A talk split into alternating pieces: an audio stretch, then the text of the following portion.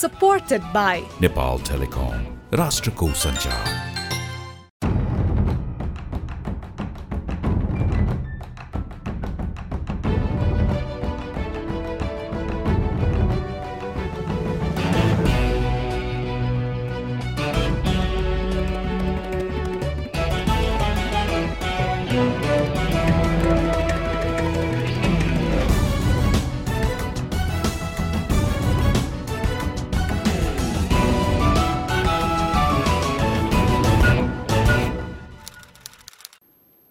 आदरणीय दर्शक तथा श्रोतावृन्द नमस्कार। कार्यक्रम टफ टकमा म दिलभूषण पाठक तपाईँ लगायत मेरा सबै सबै दर्शक तथा श्रोतालाई स्वागत गर्दछु। हिमालय टेलिभिजनमा हरेक बिहिबार साँझ नौ बजे प्रसारण हुने यो कार्यक्रम तपाईँ टफ टकको आफ्नो युट्युब च्यानलमा टफ टक प्रस्तुतकर्ता इन्टरफेस नेपालको web page Interface Nepal dot com र हाम्रो पात्रो एपमा हेर्न तथा आइएस चलाउने श्रोताहरूले आइट्युन्स र एन्ड्रोइड चलाउने श्रोताहरूले नेपाली पडकास्टमा पनि टफ टक सुन्न सक्नुहुनेछ।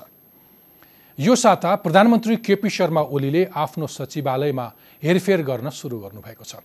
उहाँ सचिवालयका सबैलाई राजीनामा दिन लगाएर अब नयाँ टिम बनाउने कसरतमा जुट्नु भएको छ। यो सँगै मन्त्री परिषद समेत पुनर्गठनका लागि प्रधानमन्त्रीले पार्टीका नेताहरूसँग छलफल अगाडि बढाउनु भएको छ। अनि सरकारले पचास लाख पासपोर्ट छाप्नका लागि जारी गरेको अन्तर्राष्ट्रिय टेन्डर अन्तिम समयमा रातारात रद्द गरेको छ। नेपालमै आफ्नै सेक्युरिटी प्रेस स्थापना गर्ने भन्दै सरकारले टेन्डर रद्द गरेको हो। अब लागौँ आजको विषयतर्फ। दुई साता अघि जारी गरेको नयाँ नक्सामा पनि नेपालको भूभाग लिम्पियाधुरा कालापानी र लिपुले क्षेत्रलाई आफ्नो तर्फ देखाएपछि फेरि भारतप्रतिको जनआक्रोश चुलिएको छ। वर्षौँदेखि नेपाली भूमि अतिक्रमण गरेको भारतले आफ्नो कदम नसच्याएपछि सडकमा गो ब्याक इन्डियाका नारा चर्किएका छन्। सरकारले यो भूभाग नेपालकै हो भन्दै वक्तव्य जारी गरेको छ। राजनीतिक दलहरूले एकै स्वरमा भारतसँग गम्भीर कुरा गर्नुपर्ने भन्दै प्रधानमन्त्री केपी शर्मा ओलीलाई सुझाव दिएका छन्। जब जब सीमा मिचिएको खबर आउँछ तब तब सडक प्रदर्शनदेखि राजनीतिक वक्तव्यबाजीको यस्तो श्रृङ्खला वर्षौँदेखि चल्दै आएको छ। केही दिन माहौल तात्छ अनि बिस्तारै सेलाउँछ। न नेपालको भूमि फिर्ता आउँछ न यो मुद्दालाई टुङ्गोमा पुर्याउने गरी हाम्रो राज्य संयन्त्र नै क्रियाशील रहन्छ। वर्षौँदेखि यही नियतिको बन्धनमा सुस्ता र कालापानी पर्दै आएका छन्। राष्ट्रियताका चर्का नारा लगाउँदा सुस्ता र कालापानीको गीत गाइन्छ तर गीत गाउने तिनै व्यक्तिहरू सत्तामा पुगेपछि न यो मुद्दा टुङ्ग्याउने गरी भारतसँग कुरा गर्न सक्छन् न आफ्नै सीमाको रक्षा गर्ने बलियो संयन्त्र निर्माण गर्न नै। दक्षिण छिमेकी भारतसँगको सीमा मात्र होइन अन्य कुटनीतिक सम्बन्धहरूमा पनि बेला बखत उतार चढाव आइरहन्छ। विशेष गरी नेपालको आन्तरिक मामिलामा अनावश्यक चासो र यहाँको राजनीतिक घटनाक्रममा प्रत्यक्ष रूपमा संलग्न देखाउन खोज्ने भारतको प्रवृत्तिले पनि समस्या ल्याउने गरेको छ। सन् उन्नाइस सय पचासको भारतसँगको शान्ति तथा मैत्री सन्धिदेखि अन्य सन्धि सम्झौताहरूमाथि वर्षौँदेखि प्रश्न उठिरहेका छन्। द्विपक्षीय यस्ता समस्या समाधान गर्न विभिन्न संयन्त्रहरू पनि बनेका छन्। तर भारतसँगका मूल समस्याहरू जिउका त्यौँ छन् नेपाल भारत बिचको समस्या किन वर्षौँदेखि गिजोलिरहेका छन्? कालापानी सुस्ता लगायतका सीमाका समस्या के हुन्? द्विपक्षीय समस्या समाधानका लागि सुझाव दिनका लागि बनेको नेपाल भारत प्रबुद्ध समूहको प्रतिवेदन किन अहिलेसम्म भारतले बुझ्न मानेको छैन? र यही बेला भारतले नयाँ नक्सा सार्वजनिक किन गर्यो? नेपाल र भारत समस्या समाधान गर्न नेपालका कमजोरीहरू के के छन् यस्तै विषयको जवाब खोज्न आज मसँग हुनुहुन्छ पूर्व परराष्ट्र मन्त्री र भारतका लागि नेपाली राजदूतको भूमिका निर्वाह गरिसक्नुभएका डाक्टर भेगबहादुर थापा। उहाँले नेपाल भारत प्रबुद्ध व्यक्ति समूह इपिजीको नेपालतर्फको नेतृत्व समेत गर्नुभएको छ। आउनुहोस् स्वागत गरौँ आजका मेरा अतिथि परराष्ट्र मामिलाका जानकार डाक्टर भेगबहादुर थापालाई। डाक्टर साहब टकटकमा स्वागत छ। धन्यवाद। आराम हुनुहुन्छ? ठिकै छु ठिकै छु। धन्यवाद आइदिनु भयो तपाईँसँग मैले योभन्दा अघि पनि धेरै पटक कुरा गरेको छु। विशेष गरी जब जब हामी नेपाल भारतको सम्बन्धको कुरा हुन्छ म तपाईँलाई आमन्त्रण गर्छु किनभने दुई दुई पटक भारतको राजदूत भइसक्नु भएको र धेरै भारतको विषयमा धेरै जानकार पनि हुनुहुन्छ। त्यसैले पनि फेरि यो पटक यहाँलाई निम्ति आएँ कुरा सुरु गर्न चाहेँ नोभेम्बर एक जुन दिन भारतले नयाँ नक्सा जारी गर्यो। विशेष गरी जम्मू कश्मीरको नयाँ सीमा तय गर्दै भारतले जारी गरेको नक्सामा नेपालको समेत जुन विवादित भूमि थियो लिम्पियाधुरादेखि कालापानी र लिपु लिपुलेक फेरि उसले आफ्नो नक्सामा अथवा आफ्नो भूभागमा राख्यो। यति धेरै थाहा हुँदा हुँदै भारतले ठ्याक्कै खोजेको के हो? होइन यो नक्सा जुन कारणले नयाँ नक्सा निस्कियो। अब त्यसलाई त्यो नक्साको रेखाङ्कन भन्दा पनि याद गर्नुपर्ने के कुरा के छ भने भारतको विदेश मन्त्रालयको प्रवक्ताले त्यो नक्साको बारेमा नेपालमा विवाद उठेपछि उहाँले के भन्नुभएको छ भने भारतको सार्वभौम हक भएको ठाउँ मात्र नक्साले दर्शाएको छ भन्नुभएको छ सबरिनिटी इन्डियाको सबरिनिटी जहाँ कायम छ। भन्दाखेरि त्यो शब्द चाहिँ अलिकति बढी अब्जेक्सनेबल किनकि विवादित भन्ने कुरो भारतलाई थाहा नभएको होइन। यो विषय क्रनिक लामो सत्तरी वर्षभन्दा लामो अवधि भयो। सार्वभौम तिनको कि नेपालीको? उनको। त्यो नक्साले भारतको सार्वभौम हक भएको कुरा मात्र समेटेको छ भन्नुभएको छ। उनले भने। भारतको प्रवक्ताले भने। तर वास्तविकता के हो? त्यो सार्वभौम त हाम्रो होइन। सार्वभौमताको बारेमा त हेर्नुहोस् अब सुगोली सद्धीदेखि लिएर चाहिने हाम्रो जे जति कुराहरू चाहिँ सीमाको बारेमा भएको छ। त्यसमा नेपालले आफ्नो हक कायम राख गर्नको लागि अनुसन्धान गरेको छ प्रमाण पेस गरेको छ विभिन्न समयमा यसको बारेमा वार्ता भएको छ कुन प्रकारबाट हल गर्ने भन्ने कुरामा राजनैतिक तहमा कुटनैतिक तहमा प्राविधिक तहमा बैठकहरू भएको छ। यो हुँदाहुँदै पनि यो नक्सा पुरानै नक्सा हो। यसमा भारतको चाहिँ सम्प्रभुता भएको मात्र समावेशी छ भन्ने कुरो जुन भनेका छन्। त्यो शब्द चाहिँ मेरो मलाई चाहिँ अलिकति घोच्यो। समग्र नेपालीलाई घोच्यो?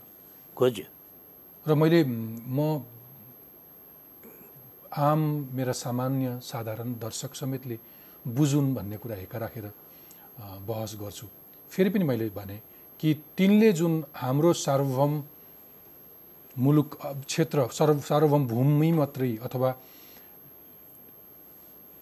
अरू कसैको भूमिमा हामी प्रवेश गरेका छैनौँ हाम्रो भूमिमा मात्रै सीमाङ्कन गरेको भनेर जुन तिनले भने नि त्यो उल्टा होइन ठ्याक्कै तिनले हाम्रो भूमिमाथि होइन सीमाङ्कन त्यसले नेपालले आफ्नो हक कायम गर्नको लागि गरेको पहलकदमी संवाद र विरोधलाई व्यवस्था गरे। यो विवादित विवादित भूमि पनि त्यहाँ समावेश भएको छ भन्ने हाम्रो चाहिँ भनाइ हो हाम्रो अडान हो। यो कुरो बराबर भारतसँगको सम्बन्धमा आएको पनि छ। सीमाबारेको चाहिँ सम्बोधनमा भएको पनि छ। त्यो हुँदाहुँदै पनि यसले चाहिँ भारतकै सम्प्रदाय भएको ठाउँ मात्र ओगटेको छ भन्ने शब्दलाई निहालेर चाहिँ तपाईँले विचार गर्नुभयो भने त्यसले अर्कै कुराको सङ्केत दिन्छ। एब्सोल्युटली मेरो प्रश्न पनि त्यही हो। एउटा डिप्लोमेटसँग र यस्तो संवेदनशील विषयमा मैले यो प्रश्न गर्दा अलिकति ठाडो होला। तर आम नेपालीले बुझ्न जरुरी छ। भारतले खोजेको चाहिँ के हो त? यसो गर्दै गर्दाखेरि। होइन भारतले खोजेको कुरो भन्दाखेरि भारत र नेपालको सम्बन्धमा बिच बिच बिचमा अप्ठ्यारोपन आउने कुरामा सीमा पनि एउटा छ। अहिलेदेखि होइन सुरुदेखि नै भएको कुरो हो। र एक ठाउँमा मात्रै होइन? र एक ठाउँ मात्रै होइन। यो कुरा चाहिँ नि अब सुस्तामा भनौँ या चाहिँ कालापानी त यो क्रनिक भयो। यसको लागि बराबर प्रयत्न नभएको पनि होइन संवाद नभएको पनि होइन हामीले विरोध नगरेको पनि होइन। र भारतले चाहिँ नि यसलाई सम्बोधन गर्नको लागि बिच बिचमा अलिकति अग्रसरता देखाए पनि देखाए जस्तो। नतिजा नतिजा मूलक चाहिँ प्रयास भएको छैन। किन यो समस्याको उत्पत्ति भयो? त्यसमा जानु पनि जरुरी छ। बिल्कुल। अब नाइन्टिन सिक्सटी टूमा भारत र चिनको युद्ध भयो। त्योभन्दा अगाडि चाहिँ नि खास गरी यो यो यस्तो क्षेत्र पर्यो कि नेपालको भूभाग पर्यो जहाँको बस्ती ज्यादै सानो छ। अत्यन्तै सानो।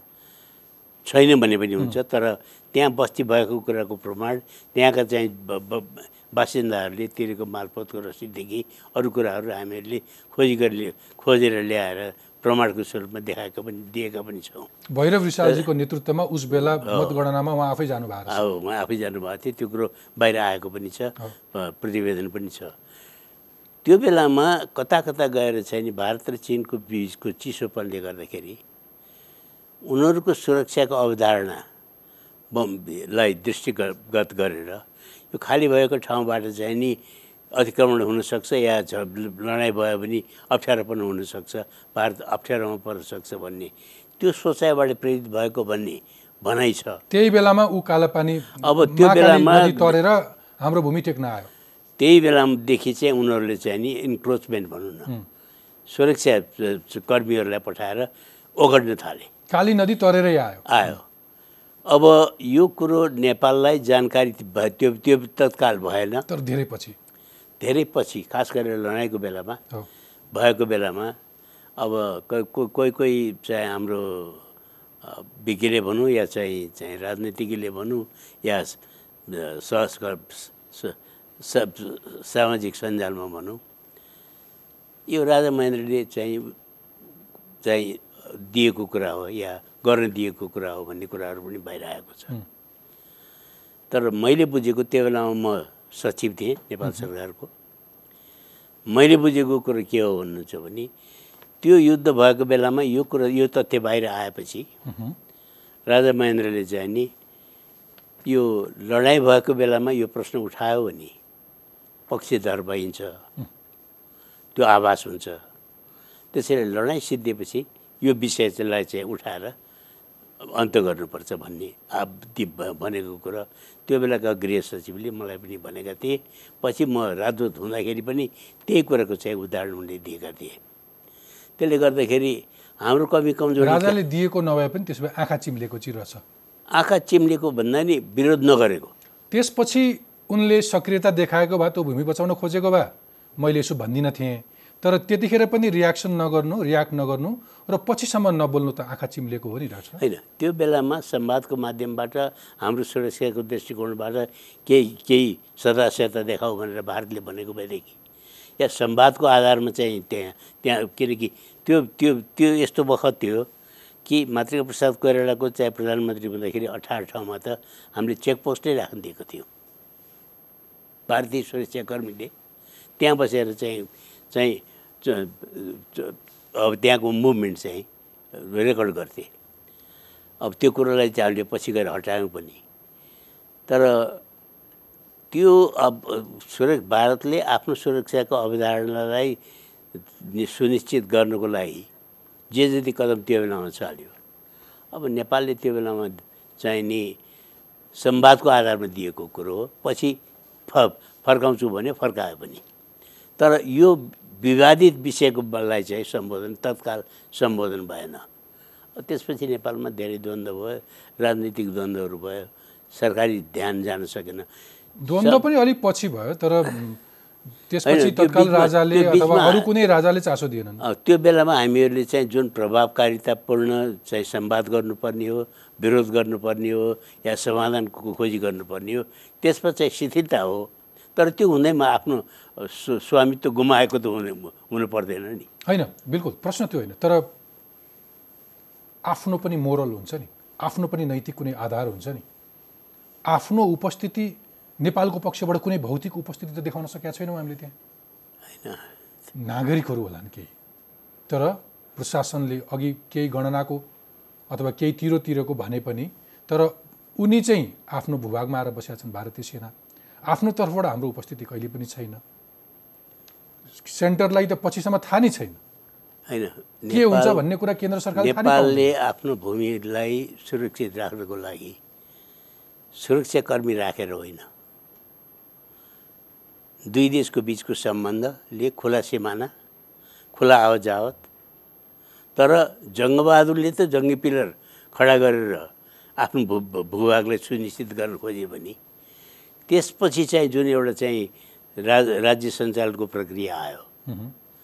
त्यसमा हाम्रो चाहिँ अब अब पहल कदमी भनौँ हामीले चाहिँ नि सुरक्षाको लागि सुरक्षाकर्मी राख्नै पर्छ भन्ने होइन। भूभाग र नक्साको सुनिश्चितता गरेर आफ्नो सार्वभौमिक हक कायम गर्छौँ भन्ने अवधारणाबाट भयो होला। किन त्यो बेलाको नेपालको प्रश प्रशासकीय संयन्त्र त्यति अहिलेको जस्तो जस्तो थिएन। ओके ठिक छ। त्यसो भए मलाई एउटा एउटा विज्ञका हिसाबले भन्दाखेरि परराष्ट्र विज्ञका हिसाबले भन्दाखेरि चाहिँ हाम्रो तपाईँले भने जस्तै हाम्रो सुरक्षाकर्मीको उपस्थिति भएन होला। तर अरू अकाट्य आधारहरू चाहिँ के के हुन्? ती भूमिहरू हाम्रै हुन् भन्नका लागि। तपाईँको बुझाइमा। होइन। यहाँ त सबैको आफ्नो होइन। त्यो त त्यसको चाहिँ सुनिश्चितता केले गरेको छ भन्नुहुन्छ भने सोगली सन्धि सन्धिदेखि।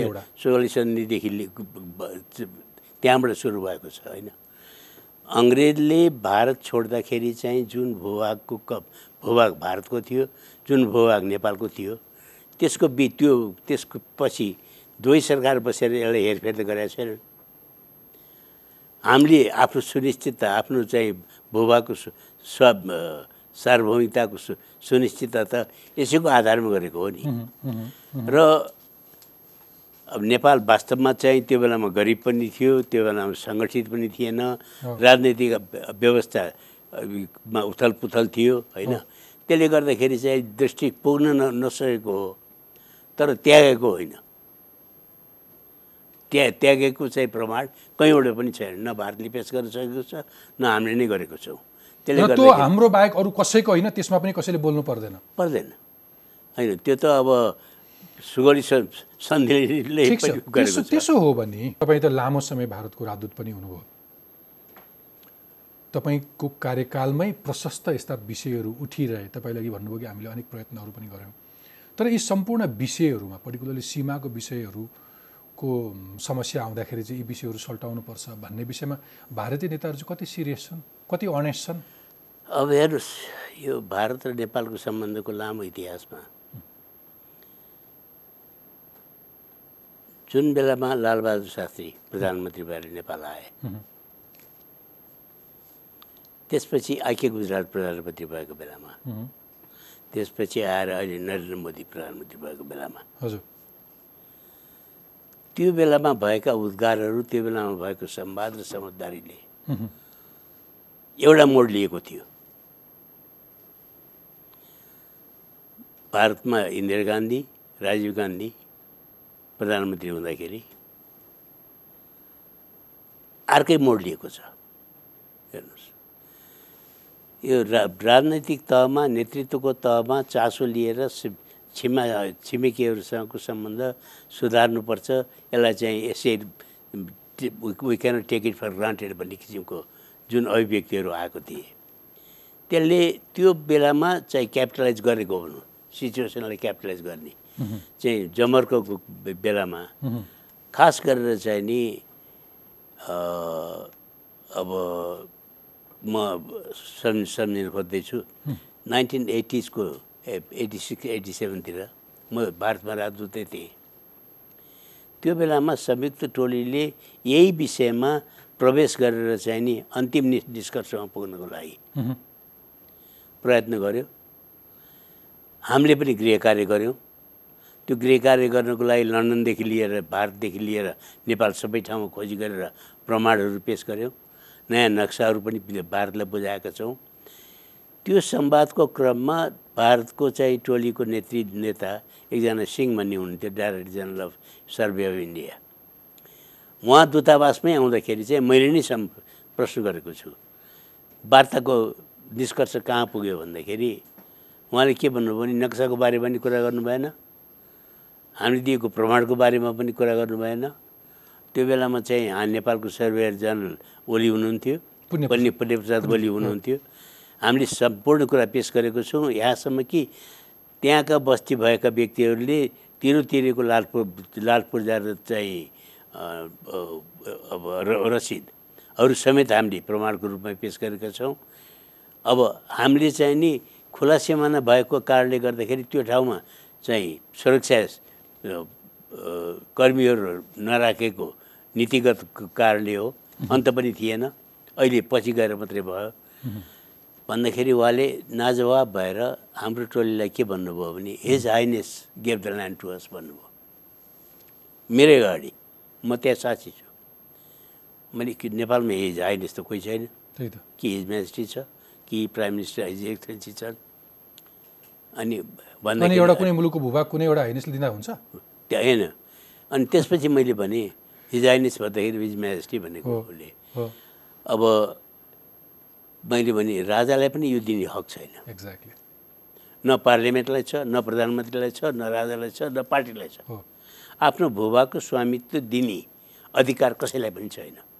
भने यो हे अब किम्बदन्तीको आधारमा सुनेको आधारमा या कसैले आँखा चिम्लिएर चाहिँ। गरेको कुरोको वकालत नगरेको आधारमा स्वामित्व गयो भन्ने कुरो चाहिँ राख्ने जायज कुरो होइन नि। ओके मैले यहाँलाई सोधेको थिएँ कि इन्डियन लिडरहरू यो मामलामा कति सिरियस छन् र कति अनेस्ट छन्। अब फेरि त्यही मुलुकका प्रधानमन्त्री आइके गुजरालले कालापानीबाट भारतीय फौज हटाउने र सीसा सीमा समस्या समाधान गर्ने भनेर वचन दिनुभएको छ। म त्यसैमा- आउँदैछु। त्यो बेलामा जमर्को भएको एउटा जुन जुन दुईवटा देशको चाहिँ सम्बन्धको आधारहरूको बारेमा नन रेसिप्रोकल ट्रिटमेन्ट भन्नुभएको थियो। आइके गुजरालले। छिमेकीहरूसँग सुधार्नुको लागि। त्यही बेलामा चाहिँ भनेको के? मेरो आम दर्शकले बुझ्ने गरी नन रेसिप्रोकल भनेको समानताको एक्ज्याक्ट समान समझदारीमा। समान समझदारीमा भारतले चाहिँ अब सदास्यता देखाउनु पर्ने या बढी चाहिँ लचकता देखाउनु पर्ने कुराको उहाँले बोध गर्नुभएको थियो। त्यही अनुसारको विदेश नीति पनि उहाँले चाहिँ काम अब सुरुवात गर्नुभयो। र यी विवादित विषयहरूको समस्या हलको लागि उहाँले चाहिँ नि अब आफ्नो धारणा पेस गर्नुभएको थियो। त्यसैले गर्दाखेरि हो चाहिँ जोइन्ट सर्वे टिमदेखि लिएर अरू कुराहरू चाहिँ संरचना भएको थियो। तर उहाँ धेरै अड्नु भएन। त्यसपछि प्रतिवेदन आएको बेलामा चाहिँ चाहिँ हामीले पेस गरेको कुराहरूलाई व्यवस्था गरेर यथास्थितिमा पुग्ने किसिमको चाहिँ व्यवहार भयो। अब हाम्रो पनि त्यही त्या- त्यसैको हाराहारीमा यहाँ राजनीतिक द्वन्द्व उनीहरूको अन्डरस्ट्यान्डिङमा पनि समस्या छ अथवा नियत पनि? होइन अब अब किनभने एकरूपता त देखिएन नि। यहाँलाई भिजिट गर्ने अफिसर र स्वयं प्रधानमन्त्रीको व्यवहार त फरक फरक भयो। होइन प्रधानमन्त्रीको चाहिँ अब व्यक् अभिव्यक्तिले गर्दाखेरि यो कुरोको सुरुवात भयो। तर यसको अन्त गर्ने बेलामा उहाँ आउनु भएन। एक्ज्याक्टली त्यसपछि चाहिँ गएर चाहिँ म भन्छु यसलाई ब्युरोक्रेटिक र चाहिँ सेक्युरिटी नेक्सस। भारतको शासनको पछाडिको चाहिँ एउटा मजबुत किल्ला। है। त्यसलाई अमान्य हुन्जेलसम्म कुनै कुरो पनि चाहिँ अगाडि बढ्दैन। एउटा त्यसैले भारतको प्रधानमन्त्रीलाई सर्वशक्तिमान भने पनि त्यो भित्र भएको चाहिँ संरचना नि निष्कर्षमा पुग्ने जुन संरचना छ त्यसको बारेमा हामी पूर्ण त्यहाँ जानकारी त छैनौँ। तर त्यसको चाहिँ चाहिँ बोलाबाला चाहिँ सर्वोपरि हुन्छ भन्ने कुरा चाहिँ प्रमाणित भएको छ। ओके। डाक्टर साहब मसँग मसँग केही रेफरेन्सेसहरू थियो दुई हजार सात सालको परिवर्तनपछि पहिलोपटक एकाउन्न सालमा गठित मनमोहन अधिकारीको नेतृत्वको सरकारले भारतसँग चाहिँ कालापानी ए, सहितको सीमा विवाद समाधान गर्नुपर्ने विषय उठाएको त्यस पछाडि शेरबहादुर देउबा नेतृत्वको सरकारको पालामा चौवन्न सालमा फेरि यो विषय उठेपछि आइके गुजरालले कमिट गरेको त्यस पछाडि तत्कालीन परराष्ट्र मन्त्री कमल थापाजीले फेरि यो विवादित क्षेत्रबाट भारतका सेनाहरू बिस्तारै हटाइँदै जान्छ यसरी वचन दिनुभएको छ र भन्नुभएको। पछि शेरबहादुर देउबा तत्कालीन प्रधानमन्त्रीले पनि त्यहाँबाट सेना हटाउन भारतसँग कुरा गरेको भन्ने रेफरेन्सेसहरू प्रशस्त इभिडेन्सहरू छँदैछन्। यद्यपि अहिले यहाँले भने जस्तै पछिको परिस्थिति यसरी बिल्ट भयो र इन्डियाको एउटा कुनै पोलिटिसियनले भन्दाखेरि नै समाधान भइहाल्ने स्थिति पनि नरहँदो रहेछ र पछि आइके गुजराल आफै रहनु भएन। अब प्रश्न के भने हुँदा हुँदा त्यो कालापानी क्षेत्रमा भारतले मिच्ने काममा चाहिँ चिन पनि सहयोगी भएर आइयो आइदियो जस्तो कि पछिल्लो पटक चार वर्ष अघि भारत र चिनको जुन लिपुलेक सम्झौता भयो त्यसले त त्यही देखाउँछ पुष्टि गर्छ नि होइन? यस- जहाँसम्म यो थर्ड पार्टी चिनको सवाल छ। हाम्रो चिनसँग सीमा चाहिँ सम्झौता भएको। र कुनै विवाद नभएको इतिहास छ। अहिले पनि त्यही अवस्था छ। तर चिनसँग सीमाको बारेमा कुरा गर्दाखेरि भारत र चाहिँ चिनको बिचमा लडाइँ भएको बेला थियो। नाइन्टिन सिक्सटी टूमा। हाम्रो उत्तर पूर्व र उत्तर पश्चिमको जुन कुनामा चाहिँ ट्राइल्याटरल एउटा चाहिँ पोइन्ट हुनुपर्ने हो। त्यहाँ पुग्नलाई त्यो बेलामा सम्भव भएन किनकि लडाइँ गरेको बेलामा ति तिन पक्ष एकै ठाउँमा बस्ने अवस्था थिएन। त्यसले गर्दाखेरि त्यो दुइटै पोइन्ट चाहिँ खाली छ अहिले हाम्रो चिनसँगको नक्सामा।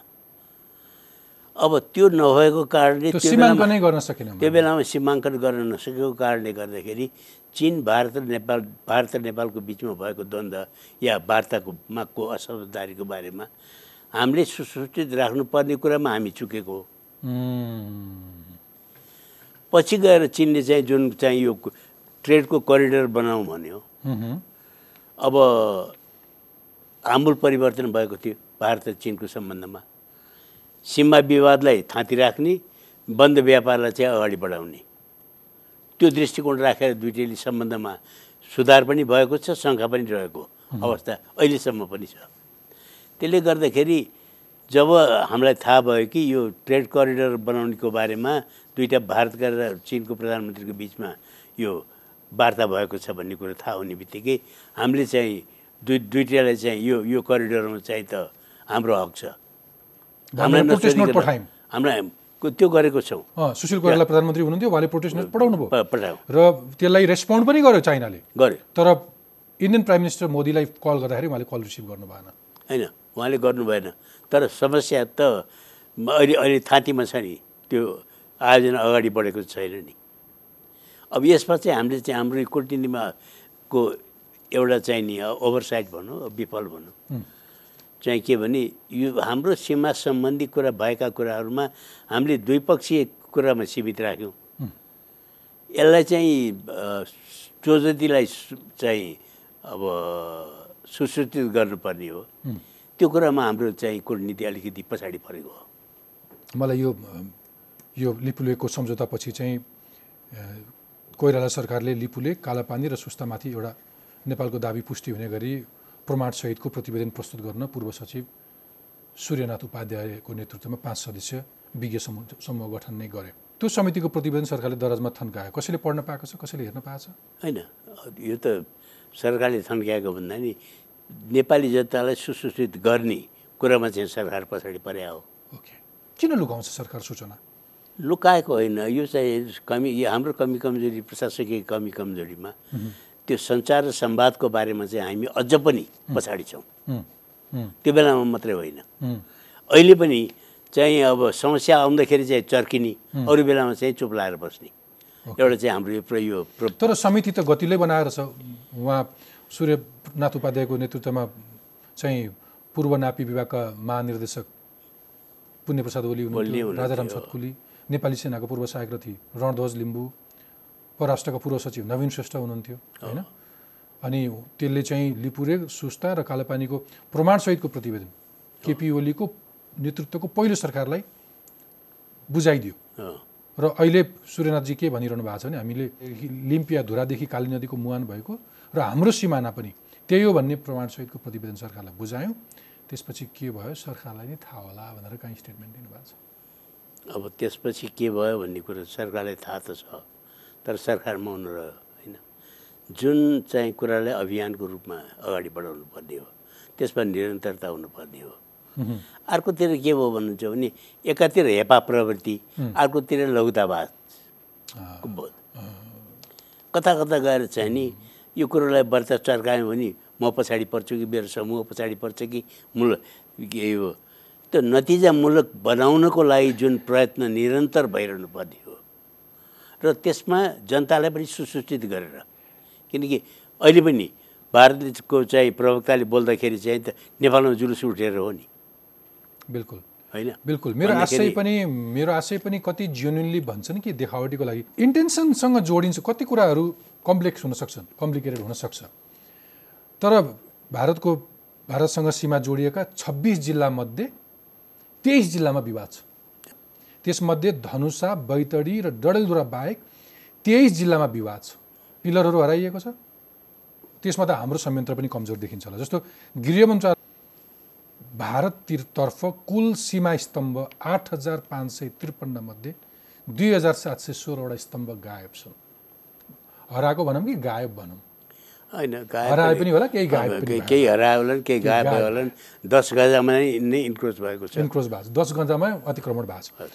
बाँकी मध्ये एक हजार पाँच सय छौ छप्पन्नवटा क्षतिग्रस्त छन्।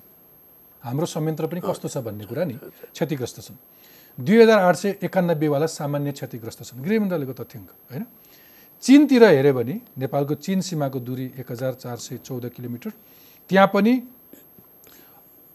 दार्चुलाको लिपुलेकबाट सुरु भएर ताप्लेजुङको सिमसाङ चुलीसम्म सीमा स्तम्भ छ। चिनतर्फ एक सय सीमा स्तम्भ राख्ने भनिएको थियो। तर सिङसाङ चुलीमा राख्न नसकेपछि त्यो त्यो त्यो भिरलाई नै स्तम्भ मानिया होला। अरू उनान्सयवटा स्तम्भ छन् तर दोलखाको लामा बगर माथि एक स्तम्भमा अझै पनि कुरा मिलेको छैन। अब यसरी हेऱ्यो भने भारतबाट एकतर्फी रूपमा लगभग साठी हजार हेक्टर मिचिएको छ। कालापानी लिम्पियाधोरा क्षेत्रमा मात्रै छत्तिस हजार नवलपरासीको सुस्तामा चौध हजार र अन्य जिल्लाहरूमा नौ हजार हेक्टर जमिन भारतले अतिक्रमण गरेको छ। जिल्लाहरूको नाम अघि मैले भनिसकेँ सङ्ख्यामा तर नामै भन्छु। मेरो आम दर्शक नेपालीले थाहा पाउनुपर्छ कति कुराहरू। भारतले अतिक्रमण गरेका नेपाली भूभागहरू ताप्लेजुङ पाँचथर इलाम झापा मोरङ सुनसरी सप्तरी सिरा सर्लाही रौतड पर्साको ठोरी चितवन त्यस पछाडि नवलपरासी रूपन्देही दाङको कोइलाबास बाँके बर्दिया होइन? कञ्चनपुर दार्चुल्ला र अघि यहाँले भन्नुभयो नेताहरूको पहल देशको राज्यको तर्फबाट पहल त छँदैछ। ती सीमामा निर्दोष नागरिक पनि मारिन्छन्। दुई हजार बहत्तर दुई हजार त्रिहत्तर साल फागुनमा कञ्चनपुरको नेपाल भारत सिमानामा पर्ने आनन्द बजार नजिकै भारतीय सुरक्षाकर्मीले गोली हानेर गोविन्द गौतमको मृत्यु भयो। बहत्तर सालमा सुनसरीको हरिपुरमा दसजना एसएसबी समूहद्वारा चारजना नेपालीमाथि गोली हाने हानियो। त्रिहत्तर भदौमा फेरि एसएसपीको जवानले मौतरीको मटियानीमा प्रवेश गरी दुईजना स्थानीय नेपालीमाथि निर्वाध कुटपिट कुटपिट गरे। यसले यसले के चित्रण गर्छ डाक्टर साहब? एउटा छिमेकी मुलुकको कुन कुटनीतिमा पर्छ यो? मैले अघि त्यस कारण भने कि नेपालीले बुझ्नुपर्छ केही कुरा। कि भारतले खोजेको के भारत चाहन्छ के? कसैले निर्धक्क जवाब दिन सक्छन् यसमा? दिन सक्नुहुन्छ? होइन यो यो न कुटनीति न मैत्री कुराको प्रदर्शन हो होइन। न कुनै मर्यादा न कुनै शिष्टता हो सीमा भनेको चाहिँ त अब एक प्रकारले हेर्ने हो भने दुई देशलाई जोड्ने ठाउँ पनि हो विभाजित गर्ने ठाउँ पनि हो। तर सार्वभौमिक हिसाबबाट हेर्दाखेरि चाहिँ नि भूभागको अखण्डता राष्ट्रको एउटा प्रमुख जिम जिम्मेवारी हो। अब यसको बारेमा भत्किएको ठाउँ ऊ भएको ठाउँ हेलचक्राइ भएको ठाउँमा को बारेमा चाहिँ स सच्याउनु पर्ने ठाउँ छ। तर नियमित रूपमा भत्काएर कब्जा गर्ने चाहे नागरिकले गरून् या या चाहिँ गाउँलेहरूले गरून् या चाहिँ सरकारी स्तरबाट होस्। अब त्यो कुराको चाहिँ प्रतिकार त नेपालले गर्दै आएको छ। र बिचबिचमा चाहिँ दुई देशले मिलेर जमर्को गरेर एउटा चाहिँ अन्तिम बिन्दुमा पुगौँ भन्ने प्रयत्न पनि नभएको होइन। नभएको होइन होइन। सन्तानब्बे प्रतिशत सीमाङ्कन भएको छ। नक्साहरू कति? एक सय बयासी थान नक्सा तयार भएको छ। तर त्यो पनि भएको छ सुस्ता र कालापानी बाहेक अरू कुरोमा चाहिँ एउटा समाधानको खोजीमा प्रगति भएको पनि हो। तर हस्ताक्षर त कसैले गरेन? तर- हस्ताक्षर गर्न किन गरेन भन्दाखेरि कुनै भाग पनि त्यसमा चाहिँ मिसिङ नभएको भागलाई छुट्याएर त्यसलाई चाहिँ त्यसलाई एक्सेप्ट गरेको जस्तो। आभास नेपाली जनताले सुन्न चाहँदैनन् भन्ने कुरो शासक वर्गले बुझेको कुरो छ। त्यसले गर्दाखेरि यो जम्मै कुरा हलो अड्किएको कहाँ गएर छ भन्दाखेरि ठ्याक्कै त्यहाँ गएर हलो अड्किएको छ।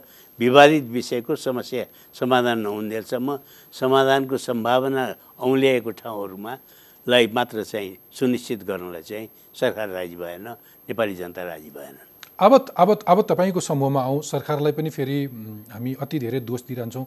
यसो घटनाक्रमहरू हेऱ्यो भने कहीँ कहीँ इनिसिएट गरेको देखिन्छ हरेकले। इपिजी आफै तपाईँ तपाईँ नेपाल भारत प्रबुद्ध समूह जसलाई इपिजी भनिन्छ एमिनेन्ट पर्सनको ग्रुप छ जुन त्यसको नेपाल पक्षको नेतृत्वकर्ता तपाईँ आफै हुनुहुन्छ। र यी सबै समस्याहरू समाधान गर्ने उद्देश्यले सम्भवतः बनाइएको थियो। इपिजीले अहिलेसम्म के के गरे डाक्टर साहब पोइन्टमा होइन इपिजीको प्रतिवेदनले अन्तिम रूप लिएको छ। यो भारतको पक्ष र नेपाल पक्ष होइन एउटै पक्ष। त्यसमा विमति छैन सबै कुरामा सहमति भएको छ। टाइमलाइन यसको कति समय थियो?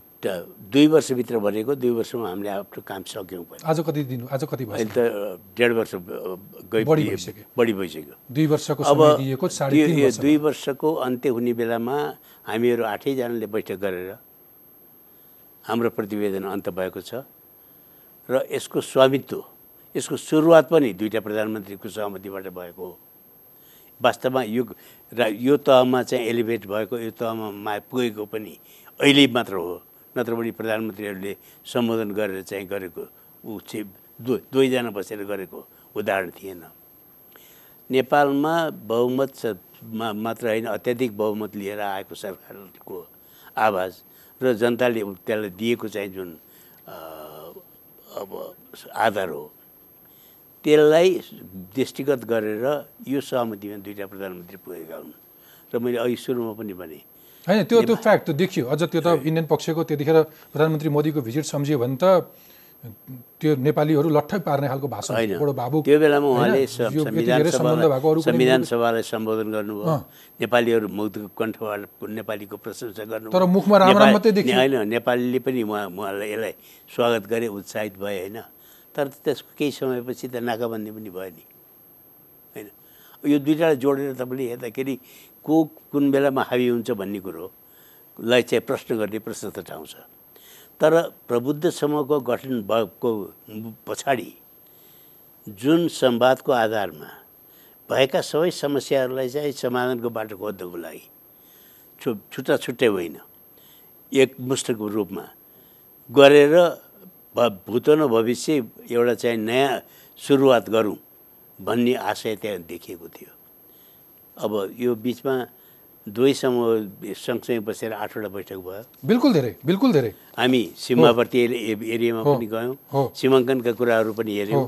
र अरू सन् नाइन्टिन फिफ्टीको ट्रिटीदेखि लिएर अरू कुराहरूलाई पनि सम्बोधन गरेर भविष्यमुखी बनाउने एउटा चाहिँ आधार तयार गऱ्यौँ। अब यसको बारेमा यसमा विस्तृत रूपमा बोल बोल्ने अधिकार अहिले मेरो छैन। तर समराइज गरिदिनुहोस् मलाई केही केही के के कुराहरू गर्नुभयो त्यो त भनिदिनु पर्छ होइन। सरकारले प्रतिवेदन बुझ्न मान्दैन। अघिल्ला प्रतिवेदन यो कुरो त हाम्रो टर्म्स अफ रेफरेन्समै उठेको छ नाइन्टिन फिफ्टी फिफ्टीको अम्ब्रेला ट्रिटीदेखि लिएर बोर्डरदेखि लिएर बोर्डरको बोर्डरमा भएका समस्यादेखि लिएर व्यापारदेखि लिएर सुरक्षादेखि लिएर सबै कुरालाई सम्बोधन भएको छ। ओके। तर कुन कुरामा कुन कुरामा के कति भएको छ भन्ने लग्जरी अहिले मलाई छैन। किनकि यो संयुक्त प्रतिवेदन हो। जहाँबाट यो सुरुवात भयो त्यहीँ गएर बुझाउनुको लागि हामी धैर्य राखेर बसिरहेछौँ। अब यो बिचमा फेरि हेर्नुहोस् अब कोसियारीजी महाराष्ट्रको गभर्नर हुनुभयो। Exactly. बिसी उप्रेती बित्नुभयो। निलाम्बर आचार्य भारतमा राजदूत भएर जानुभएको छ। अब।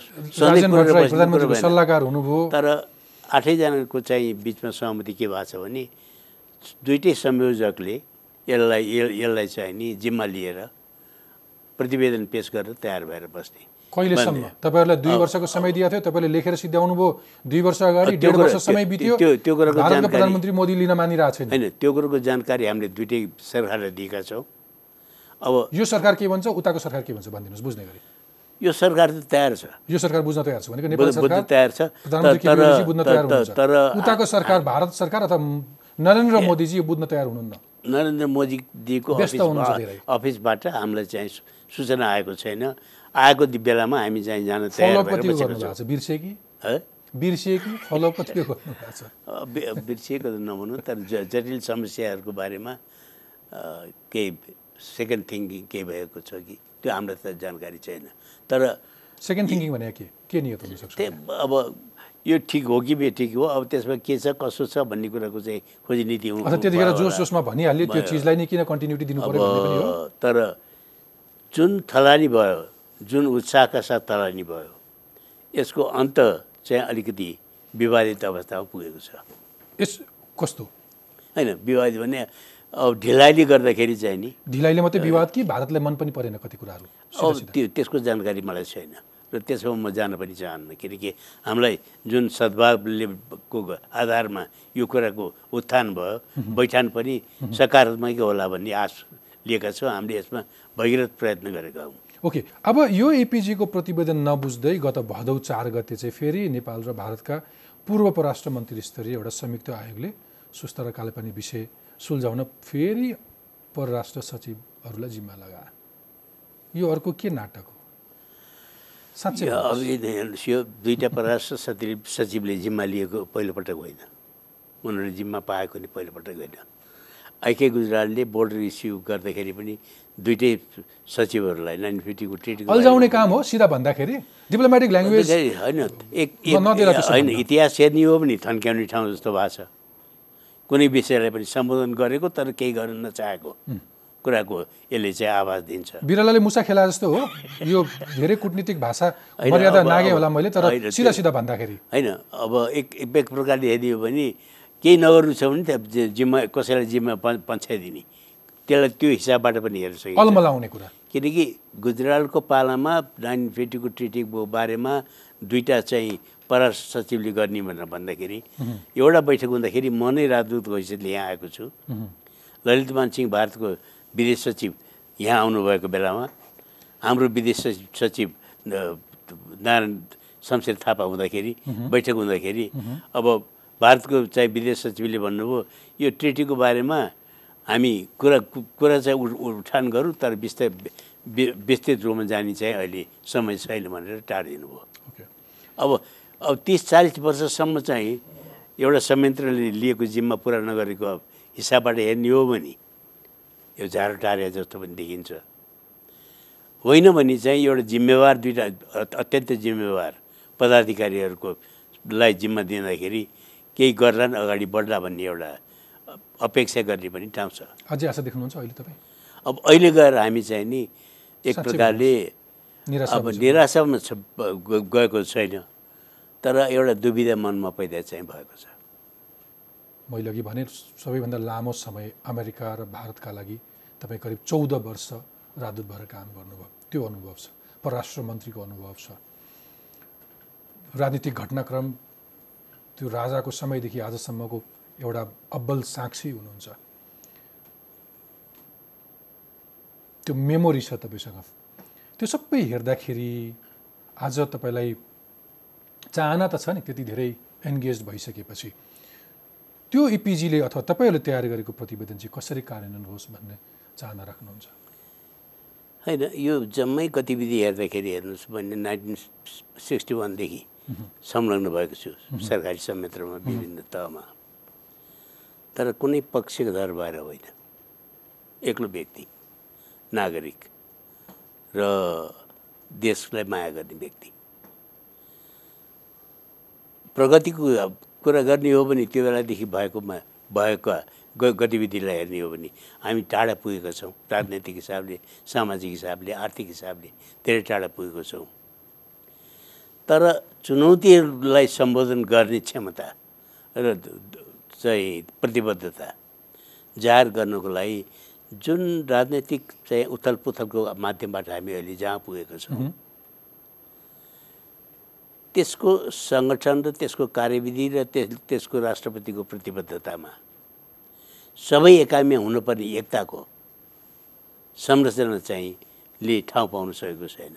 त्यसले गर्दाखेरि चाहिँ हामीले खास गरेर बाहिर कुरा बाहिरी सरकार बाहिरियाहरूसँग कुरा गर्दाखेरि एकातिर बान्डुङदेखि गएर सेक्युरिटी काउन्सिलको चाहिँ मेम्बरसिपमा पनि हामी हामी होडबाजीको आधारमा पुगेका छौँ। अर्कोतिर साना कुरा तिना कुरामा पनि अल्म लिएर छिमेकमै एउटा चाहिँ सुधारात्मक वातावरण सिर्जना गर्ने कुरोमा हामी अलि पछाडि परेको छौँ। अहिले अघि पनि मैले भने एकातिर हेपा प्रवृत्ति छ अर्कोतिर लौतावादको बोध छ त्यसले गर्दाखेरि चाहिँ नि व्यक्ति समूहको स्वार्थको लागि राष्ट्रिय स्वार्थलाई आघात पर्ने कुराहरू पनि बिचबिचमा नभएका। एक्लो नेपालको प्रयासले मात्रै पनि हुने कुरा होइन उसको स्वभावले पनि उसको आशय उसको नियतले पनि? कुटनीति भनेको त एकपक्षीय होइन नि एक्ज्याक्टली होइन मैले तपाईँलाई ड्याङ्गै सोध्न खोजेको चाहिँ तपाईँ अथवा यसो यसो भनौँ तपाईँहरूको प्रतिवेदन कार्यान्वयन भयो इपिजीले दिएको भने नेपालका समस्याहरू कुन हदसम्म समाधान हुन्छन्? किवी हतिया हतिया फुसा। पहिलो कुरा त आइ नै आएको छैन। प्रतिवेदन त बुझाउनु भयो। त्यो पहिलो कुरा आएकै छैन। भारतलाई मन परेको छैन भन्ने छँदैछ। त्यो आयो भने हामीलाई कति लाभ छ अथवा हाम्रा कति समस्याहरू समाधान हुन्छन्? कि फेरि यो अर्को एउटा तपाईँले मुख्य कुरो त के जुन अवधारणाबाट प्रबुद्ध समूहको गठन भएर जिम्मेवारी पाएका हामीले पाएका थियौँ। त्यसमा डाउटै भएन। त्यसको पछाडि त्यसको पछाडि सम्बन्धलाई चाहिँ अगाडि बढाउने मात्र होइन चाहिँ एउटा नयाँ आधार खडा गर्ने। जसले गर्दाखेरि यी सानातिना समस्यामा हामी झेल लिनु नपरोस्। र दुई देशको सम्बन्धलाई चाहिँ अझ बढी प्रगाढ बनाओस् भन्ने उद्देश्यले गठन भएको हो। त्यही त्यही अनुरूप हामीले चाहिँ पनि अब अब प्रतिवेदन तयार गरेको छौँ। बाँकी कुरो त समयले बताउने कुरो हो। तर सुरुवातदेखि अहिलेसम्म हेर्दाखेरि जुन प्रकारबाट जुन परिवर्तनहरू नेपालले लिएर आएको छ नि अहिले जुन अवस्थामा छ हामी धेरै अगाडि बढिसकेका छौँ। अब त्यसलाई अझ अझ द्रुततर गर्नुको लागि चाहिँ गर्नुपर्ने प्रयास त भावी पुस्ताले गर्ला। तर जहाँबाट सुरु भयो त्यहाँ पुग्न पु- पुग्नको लागि चाहे विदेश नीतिमा होस् चाहे आर्थिक नीतिमा होस् चाहे सामाजिकमा होस् चाहे देशको चाहिँ अब विभिन्न प्रकारका अभिव्यक्तिहरूको आधारमा होस् यो यात्रा लामो भएको छ यात्रा सकारात्मक छ तर समस्याहरू चाहिँ पनि जटिल छन्। जटिल छन् होइन। अब यो सरकारको अथवा प्रधानमन्त्रीजीको पछिल्लो एक्टिभिटिजहरू हेऱ्यो भने फरेन रिलेसनलाई अलिकति बढी प्रायोरिटी दिए जस्तै विभिन्न मुलुकमा जहाँ पनि पुगे जस्तो इन्डियन प्राइम मिनिस्टर पनि यहाँ म सम्झिन्छु तपाईँसँग अघिल्लो अघिल्लो वार्तालापमा चाहिँ ठुलो ग्याप थियो। इन्डियन स्टेट हेड नेपाल नआएको दशकौँ भइसकेको थियो। सम्बन्ध सुधार्नुपर्छ भ्रमणहरूले अर्थ राख्छ भनेर भन्नुभएको थियो अघिल्लो स्टेट हेडको भिजिटमा तपाईँले यही टकटकमा आएर। तर जसले जतिसुकै भनिरहे पनि आज आउँदाखेरि त फेरि इन्डियाको यो व्यवहारले त देखियो फेरि हामी कुन हाल हालतमा छौँ?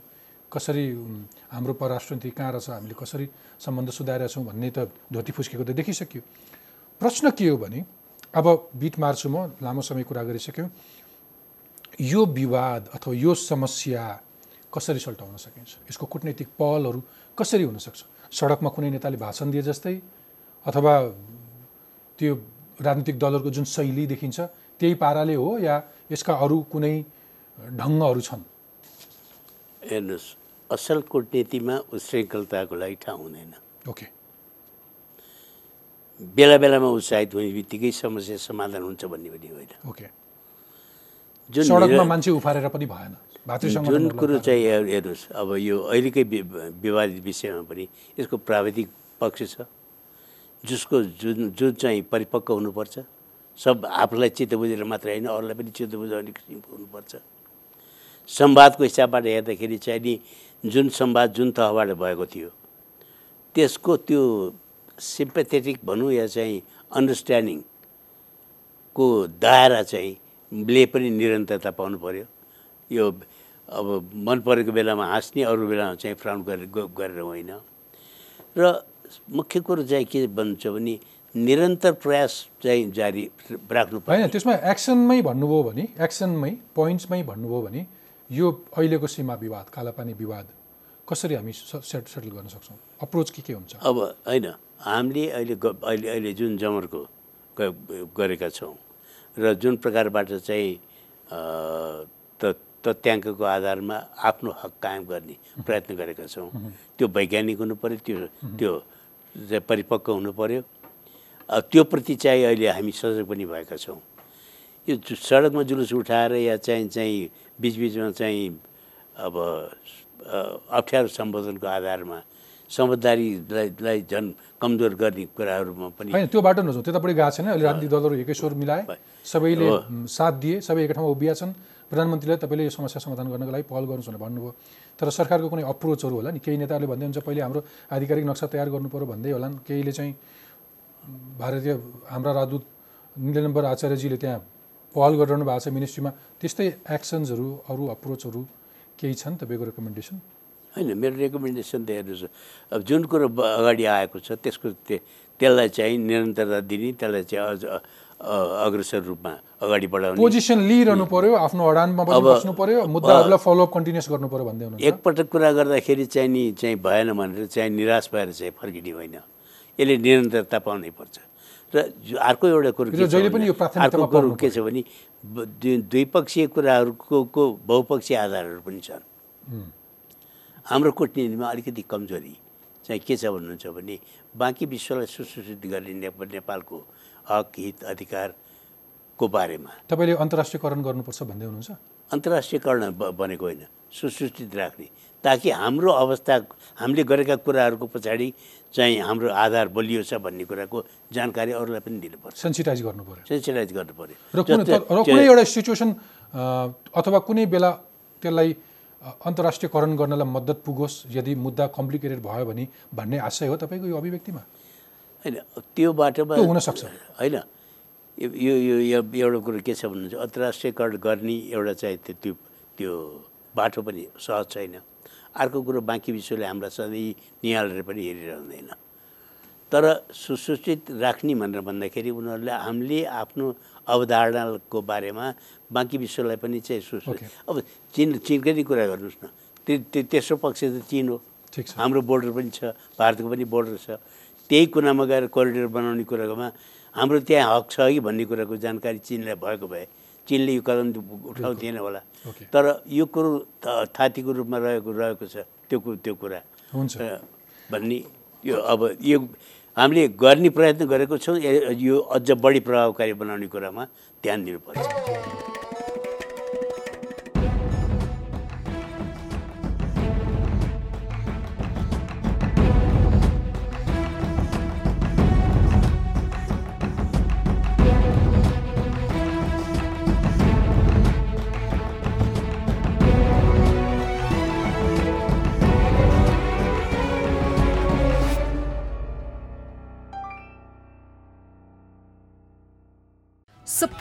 By नेपाल टेलिकम राष्ट्रको सञ्चार